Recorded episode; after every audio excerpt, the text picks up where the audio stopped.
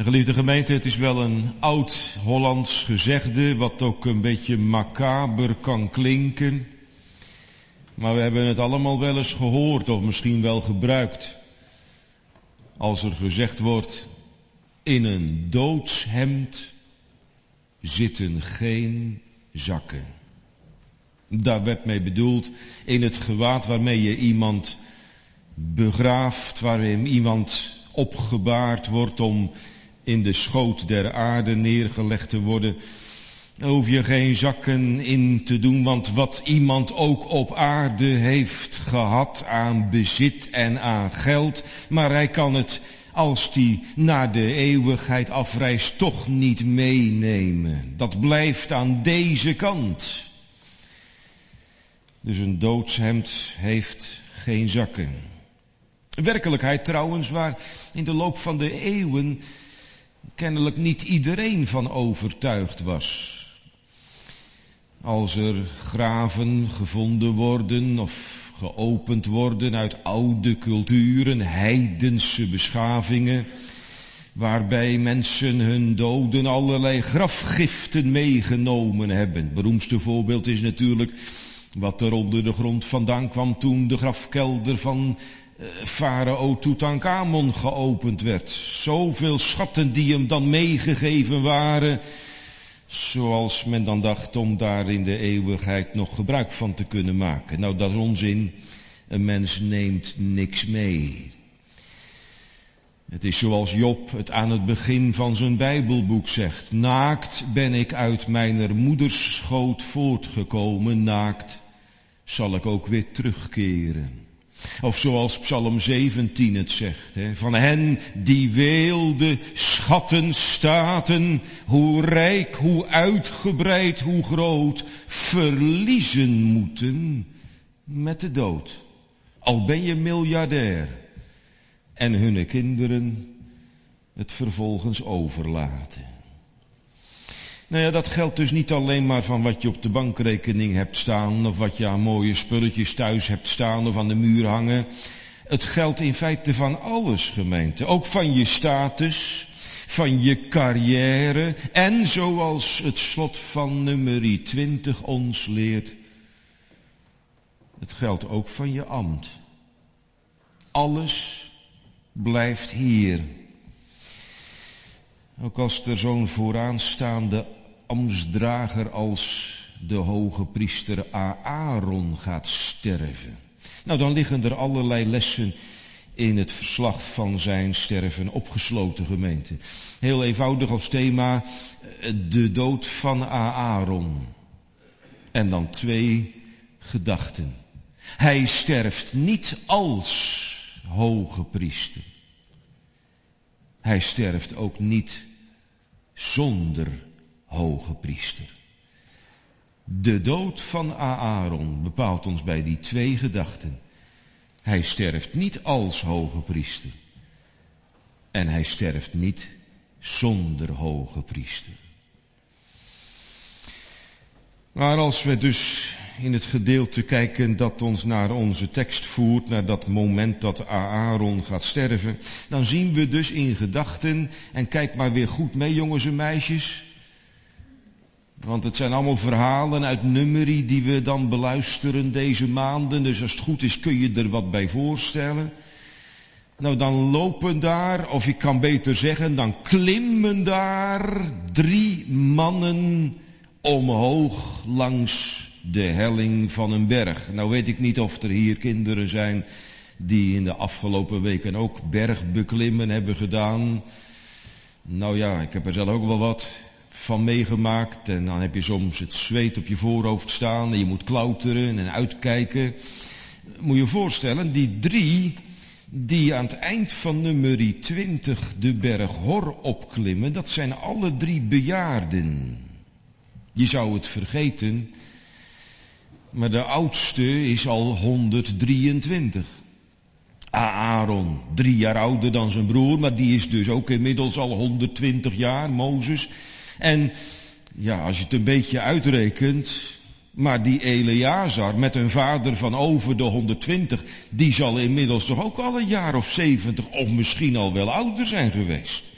Het is toch wat dat die drie helemaal tot op de top van de berg moeten gaan opklimmen. Want de oudste van deze drie, de Heere heeft het zelf gezegd, hij zal daarboven verzameld worden verzameld tot zijn volken. Hij zal overgaan uit deze wereld naar een andere wereld, daar waar zijn voorvaderen ook al zijn aangekomen in het rijk van de dood. Voor Aaron is het moment aangebroken dat hij moet gaan sterven.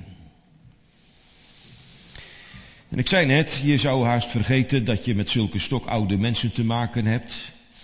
Maar je moet dus ook niet vergeten dat als we hier deze mensen zien lopen, dat je ook in feite met gewone mensen te maken hebt. We kennen ze natuurlijk uit de Bijbelverhalen. En we weten van allerlei grote dingen die ze gedaan hebben en wat voor belangrijke plek ze in het volk Israël gehad hebben, maar ook belangrijke mensen, gemeente. Ook mensen met een positie zijn in de grond van de zaak, gewone mensen met gewone gevoelens. En daar heb ik toch even over na zitten denken van de week. Wat dat dan voor die drie betekent moet hebben dat ze samen deze gang naar boven moeten maken. Om te beginnen die man zelf natuurlijk.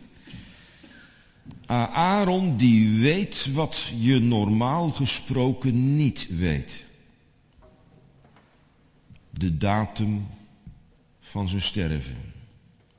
Of je moet in een dodencel zitten en weten dat de dag van de executie gepland is. Eh, of dat iemand, zoals dat in ons land ook tegenwoordig zo gaat, zelf een datum prikt waarop het team langskomt en er euthanasie gepleegd gaat worden. Maar normaal gesproken weet je het niet, maar Aaron weet het wel. Hij weet zelfs de plek. Als ik boven ben, wordt het sterven. En daarmee komt een heel lang leven aan een eind, gemeente. 123 jaar waarin hij ook heel lang in de dienst van de Heere heeft mogen staan. Ik heb het nagezocht, maar dat kun je op de dag nauwkeurig vaststellen. 38 jaar en vier maanden is Aaron hoge priester geweest. Hoeveel dagen waren er in zijn leven geweest dat hij in de tabernakel bij het brandoffer of het reukofferaltaar gestaan had. In ieder geval weet ik dat hij 38 keer op die bijzondere dag in het jaar, de grote verzoendag, bij de ark van God met die schaal met bloed gestaan had, om verzoening te doen voor de zonde. En nou is het allemaal voorbij. Hij heeft zijn laatste grote verzoendag achter de rug. Hij heeft zijn laatste offers gebracht. En wat het extra erg maakt natuurlijk, vanmorgen zeiden we het al tegen elkaar, voor deze man geldt, wat ook voor zijn broer geldt. Inmiddels is in Meriba het levensideaal van beiden in scherven gevallen. Ook vanaf de berg Hor zal Aaron waarschijnlijk, net als Mozes vanaf Nebo later, wel iets in de verte gezien hebben van dat land wat de kinderen Israël zouden gaan beërven. Maar in dit leven zal die er nooit één stap zetten. En zoals dat wel eens vaker bij die figuur van Aaron het geval is, je hoort in dit gedeelte ook helemaal niet hoe die daar nou op gereageerd heeft. Op die straf niet, en op het bericht dat hij gaat sterven niet. Maar ik zei, het was een gewone man. Terwijl hij met zijn broer en zijn zoon naar boven klimt, zullen zijn gedachten zich wel vermenigvuldigd hebben. Ook van zijn broer. Denkt u even Mozes in. Vier maanden geleden stond hij met de andere Israëlieten in de woestijn aan het graf van zus Mirjam. En nou moet hij zijn broer gaan begraven straks. Een man van wie we dus weten dat hij in de dienst van de Heer ook gestaan heeft. Zij het niet zonder smet en rimpel. Hij heeft ook fouten gemaakt aan Aaron. En Mozes is ook wel eens heel boos geweest op zijn broer. Denk aan de geschiedenis met het gouden kalf. Maar ze waren toch broers en broeders geweest. Hij had aan Aaron een medestander gehad. Trouwens, dat was ook een van de redenen dat in die geschiedenis van vanmorgen allebei door de heren verantwoordelijk waren gehouden voor het debakel van Meriba. Het zal voor Mozes een zware gang geweest zijn, te weten we gaan met z'n tweeën naar boven, straks kom ik alleen met mijn neef weer terug. En die neef, Eleazar, gaat vandaag niet alleen zijn vader verliezen, hij gaat ook zijn voorganger kwijtraken. En daar moet u eens over nadenken. Er is een hele tijd in het leven van die Eleazar geweest, dat daar helemaal geen kijk op was dat hij ooit hoge priester zou worden. Hij is jarenlang de derde zoon van het gezin van Aaron geweest, na Nadab en Abihu. Maar toen die allebei in nummer 10 ineens door het vuur uit de hemel getroffen waren, ineens kwam het op hem af. Als mijn vader er niet meer is, zal ik hoge priester worden. Dus dat is voor deze man ook een dag met allerlei gevoelens gemeente. Hij weet, dit wordt een dag waarop ik rouw ga beleven. Maar als ik straks met o Mozes naar beneden afdaal, dan kom ik in het legerkamp terug met een nieuwe taak. Niet priester, maar hoge priester.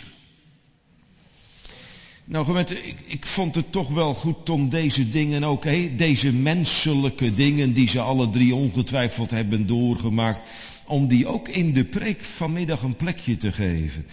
Bedenkt u dat ook als u eh, binnenkort of op langere termijn zelf ook weer eens in contact komt met rouwdragenden. Wat mensen doormaken op weg naar het sterven, na het sterven van een geliefde. Het wordt soms door anderen over het hoofd gezien of al te snel weer vergeten. Maar gewone mensen hebben het er maar wat moeilijk mee. Maar dat is natuurlijk niet het enige gemeente wat we in de tekst van vanmiddag hebben te leren. Niet alleen maar dingen leren over Mozes en Aaron en Eleazar en hoe je met anderen moet omgaan, maar nou eens even heel persoonlijk voor onszelf. Wat, wat valt daar nou van te leren voor jezelf als we deze drie naar de top van de berg Hor zien klimmen? Ja, het bepaalt ons onder andere weer eens, zoals elke roepstem die klinkt, en er klinken er in deze vakantietijd, vind ik, buitengewoon veel vanuit oorlogsgebieden en vanuit vakantiegebieden.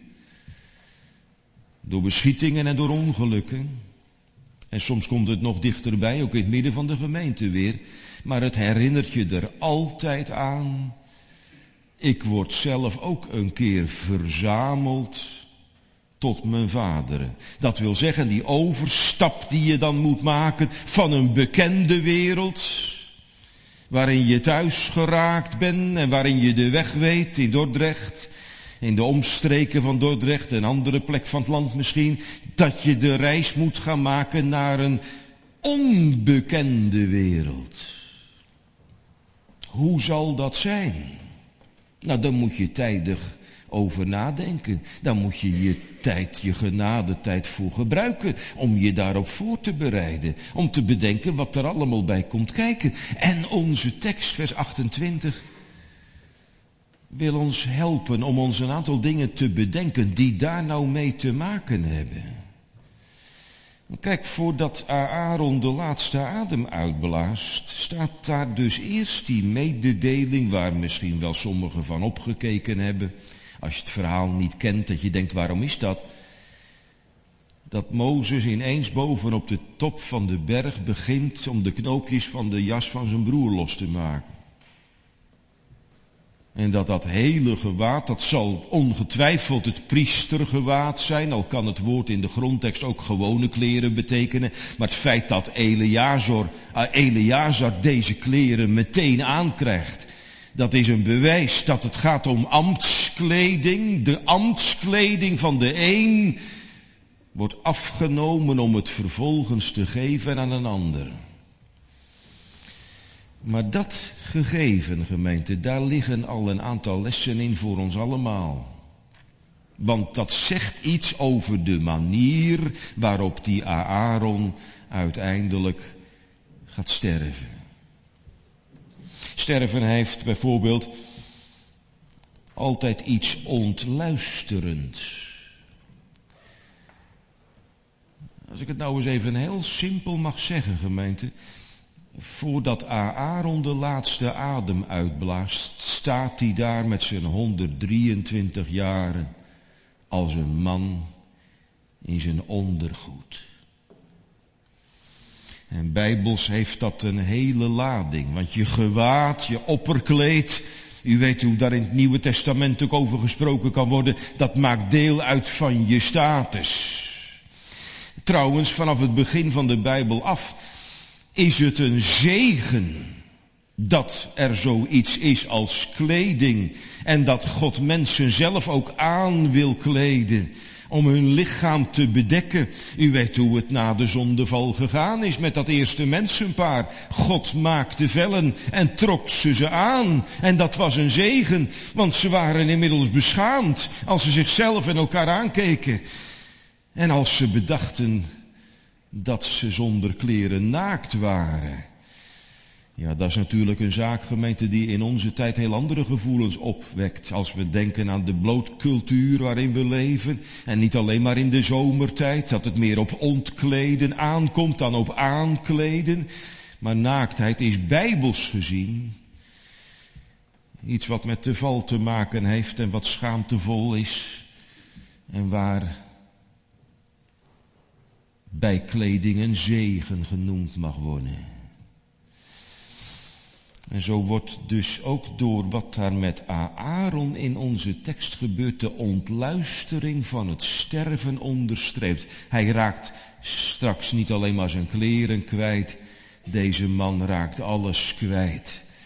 En dat is, zeg ik, ontluisterend. Ik sprak nog niet zo lang geleden een familielid van een stervende die dat eigenlijk voor het eerst van zijn leven van dichtbij had gezien en die erdoor geraakt was de aftakeling van iemand op een ziekbed.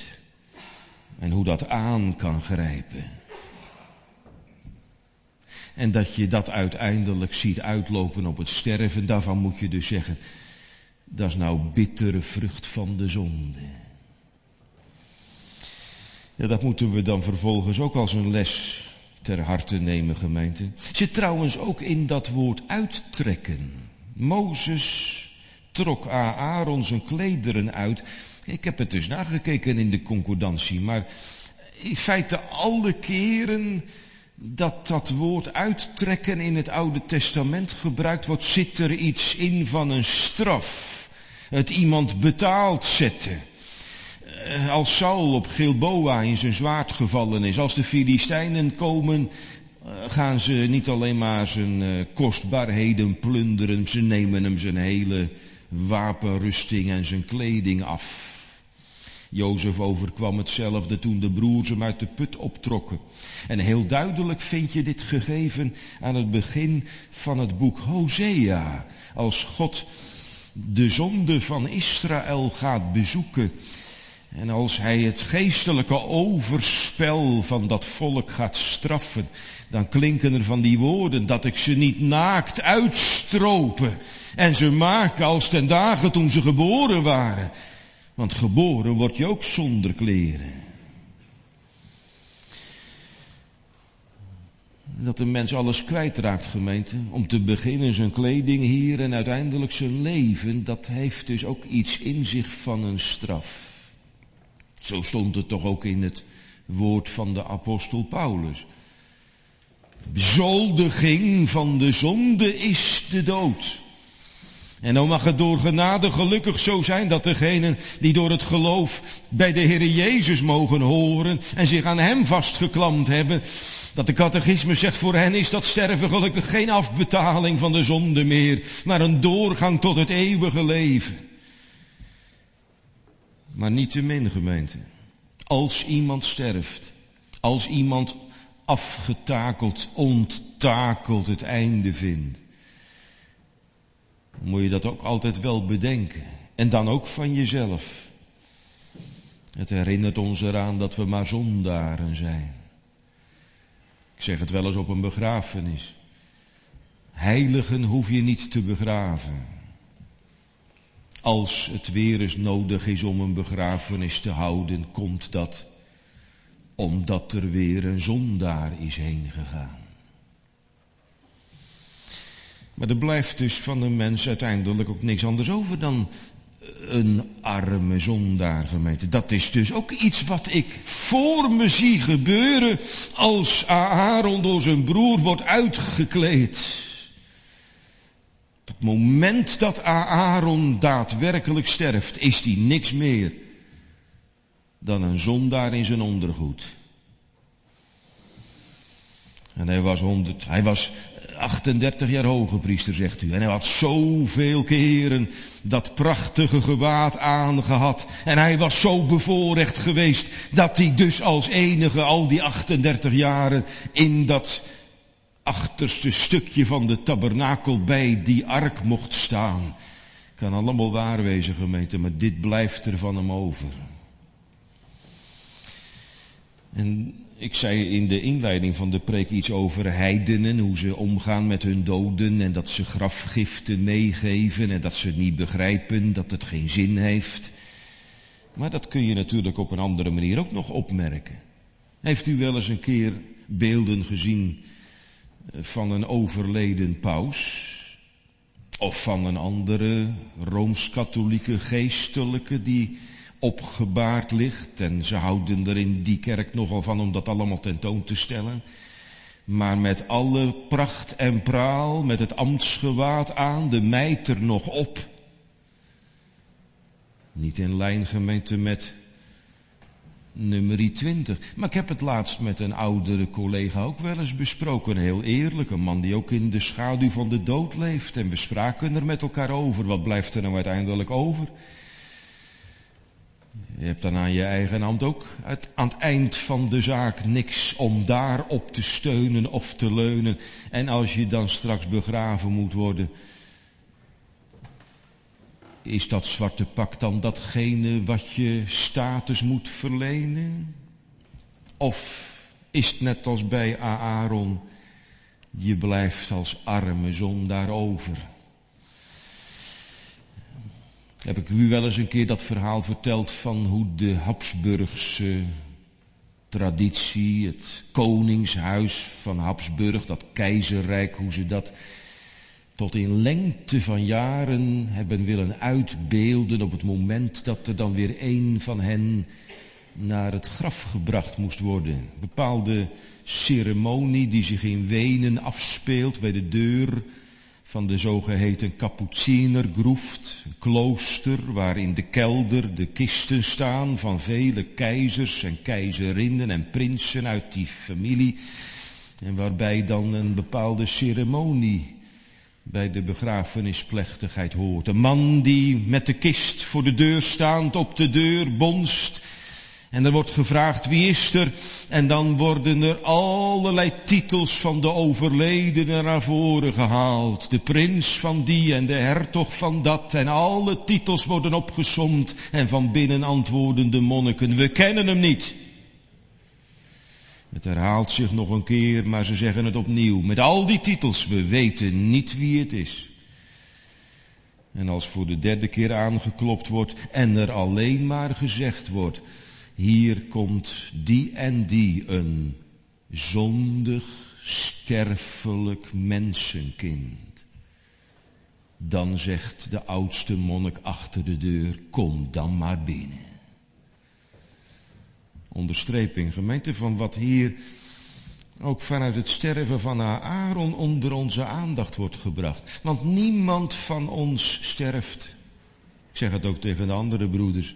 Niemand van ons sterft als ambtsdrager, als synodelid, als voorzitter van de vrouwenvereniging, als koster of organist. Niemand van ons gaat heen als directeur van een geslaagde onderneming, als bekroond of als gedecoreerd lid van de samenleving. Als u wilt weten hoe u heen gaat op uw sterfdag, kijkt u naar Aaron. Een mens die uitgekleed is. En die daar als arme zondaar staat en niks meer dan dat. En die ook zijn ambt niet mee kan nemen. Die zijn waardigheid niet mee kan nemen. Die zijn verdiensten niet mee kan nemen. Datgene wat de mensen vonden, hoe je geweest bent en hoe ze tegen je opgekeken hebben.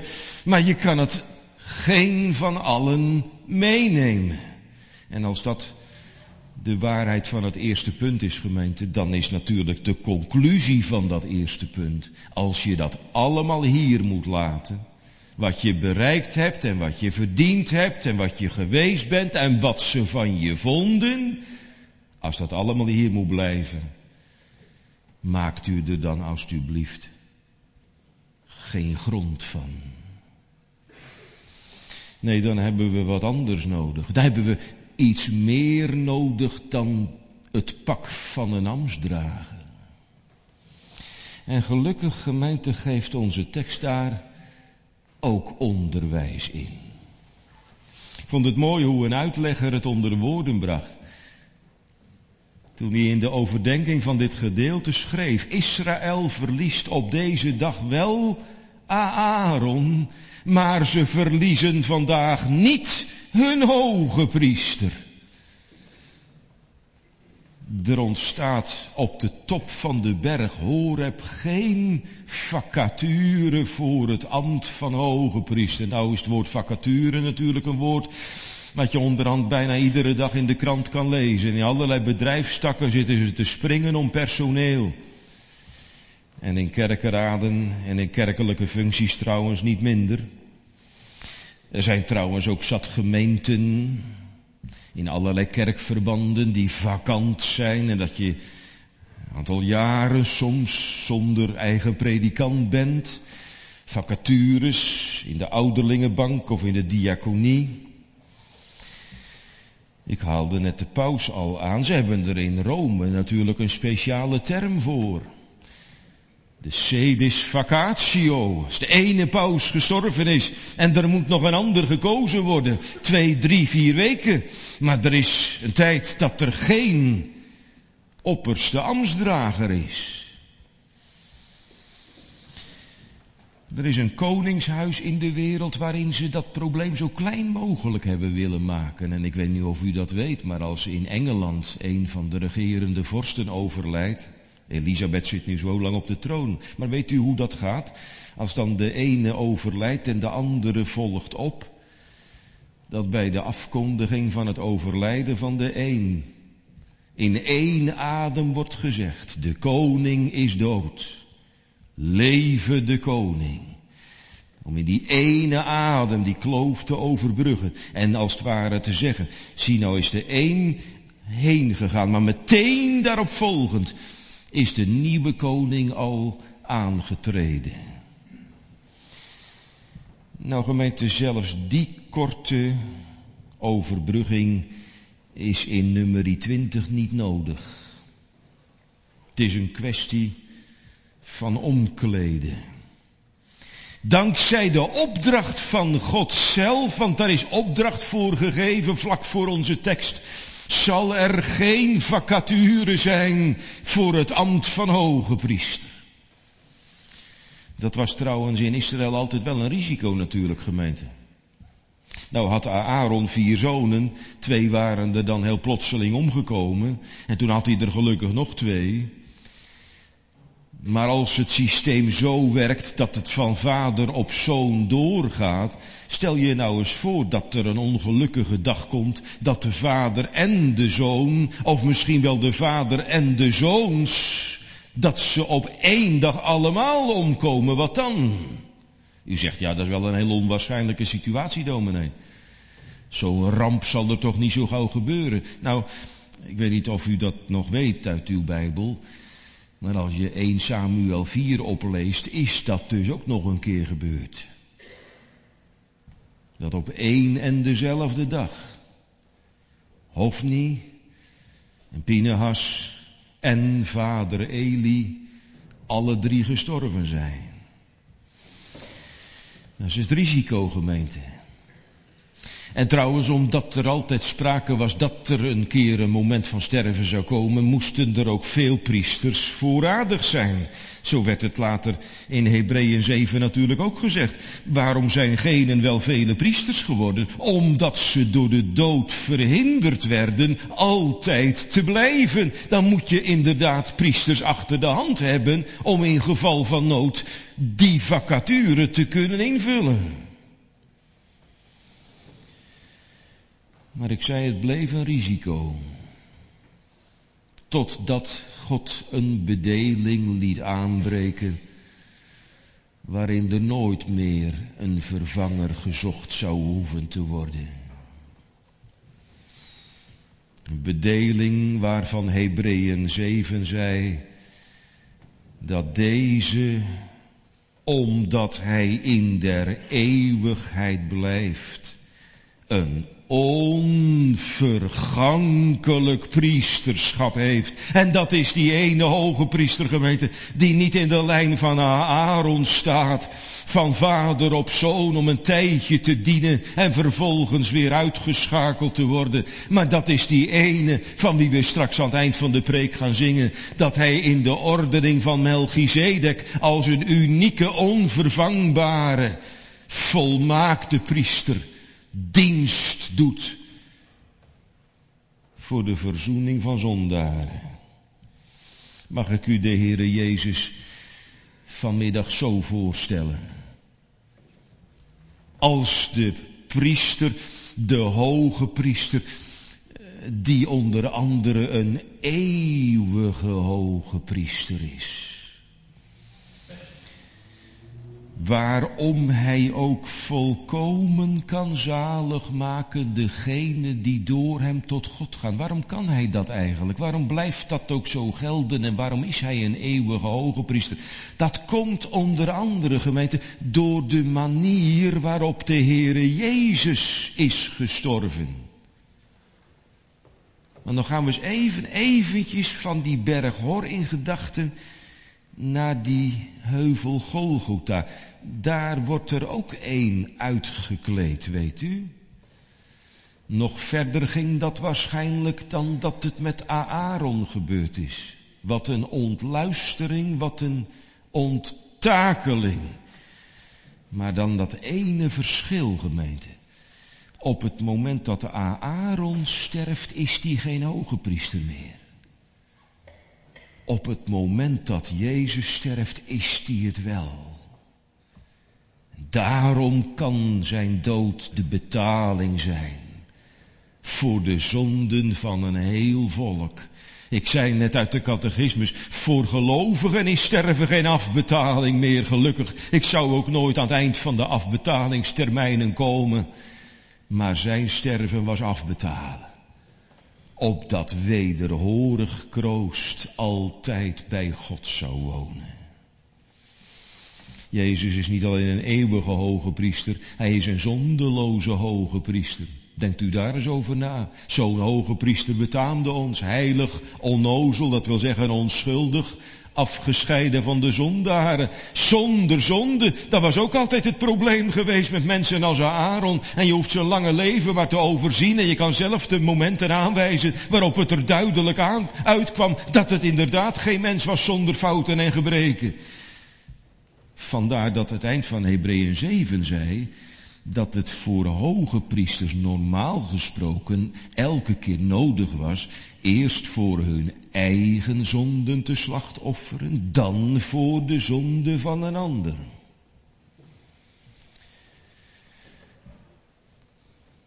Maar de wet stelt weliswaar mensen die zwakheid hebben, zegt de Hebreeën schrijver. Maar het woord der eedswering, dat is het woord van het Nieuwe Testament, stelt in plaats van die zwakkelingen de Zoon, die in der eeuwigheid geheiligd is. Bent u besmet Bent u beladen met zonde, gemeente? Het kan zijn dat ze het niet aan je zien, hè? Kan zijn dat niemand het weet in huis, dat je er vannacht over hebt gepiekerd. Kan zijn dat niemand weet, je loopt ermee. Je gaat eronder gebukt, hoe kom ik er toch vanaf? Het drukt op mijn geweten. Straks moet ik voor God verschijnen, het zou zomaar ineens kunnen. Vanmiddag word ik er in de kerk weer aan herinnerd. Dan sta ik zonder iets, zonder waardigheid, zonder status. Als naakte zondaar voor God, wat moet er van me terechtkomen? Bent u zo mens, gemeente? God laat u een volkomen zaligmaker prediken. En de cruciale vraag voor ons is vanmiddag niet, bent u zondaar? Daar ga ik met u helemaal niet over in discussie. Ik hoop dat u het van de Heere zelf mag leren. Maar dat is het punt dus niet. Dat is ook het verschilpunt niet. Want we zijn het allemaal zondaren. Of je het nou wil weten of niet. En of ze het nou van je vinden of niet. Vanuit God gezien bij het allemaal. Er komt er van niemand van ons iets terecht. De vraag is wel, hoe ga je ermee om met het feit dat je zondaar bent? Heeft de geest je al op de vlucht laten slaan? Zoals een dier uit het bos een bosbrand ziet aankomen en rent voor zijn leven. Is dat hetgeen wat de prediking met je gedaan heeft? Wat God je geleerd heeft? Tijdig vluchten om een heenkomen te zoeken. Wie is Jezus voor je geworden, gemeente? Bent u er blij om dat de preek ook vanmiddag bij hem uitgekomen is? Dat er van alles over hem verteld wordt, dat hij uitgestald wordt? Is dat hetgeen wat uw hart troost geeft? Is dat waar u voor naar de kerk komt? Is dat waar u van opknapt en waar u weer een paar dagen mee vooruit kunt? Geef mij Jezus voor ik sterf. Mag ik er ook dit bij vragen, gemeente? Want dat is ook iets wat ik u dan ook nog van hem wil vertellen. Maar dat nodig krijgen van de Heere Jezus. En het vluchten naar Hem. En het je vastklampen aan Hem. Heeft dat in je leven ook opgeleverd? Het verlangen naar bekering. Want dat is dus het derde wat ik u in dit punt van Hem wil vertellen. Jezus is eeuwige hoge priester, zonderloze hoge priester. Hij is ook een hoge priester die niet alleen maar je leven verzoent maar ook vernieuwd. Kijk, die Eleazar die heeft zijn vader in het stervensuur troost geboden. Het laatste wat vader Aaron gezien heeft toen hij moest gaan sterven. Vlak voordat hij het bewustzijn verloor en op de grond kwam te liggen. Het laatste wat zijn ogen gezien hebben was een hoge priester met zijn kleren aan, maar daar stond voor hem en bij hem de nieuwe hoge priester. Dat was een troost waardoor het volk Israël los kon laten. Het werk in de tabernakel zou doorgaan. Het was voor hemzelf persoonlijk ook een troost. Niet omdat het zijn eigen zoon was, maar hij hoeft niet te sterven zonder hoge priester. Nou, dat is een troost die de Heere Jezus u ook wil bieden, gemeente. Troost in het. Hoop alleen niet dat er iemand in de gemeente is die zegt, dominee, als ik dat maar van hem krijg, is het voor mij voldoende. Ik durf u niet te beloven dat het dan voldoende zal blijken te zijn als u voor God staat en als uw hele leven doorgenomen wordt. Als u genoeg had aan een Jezus voor op het sterfbed. De hoge priester die ik u mag prediken, heeft u meer te bieden dan voor de laatste paar dagen of de laatste paar minuten. Die wil stervensgenade en levensgenade geven.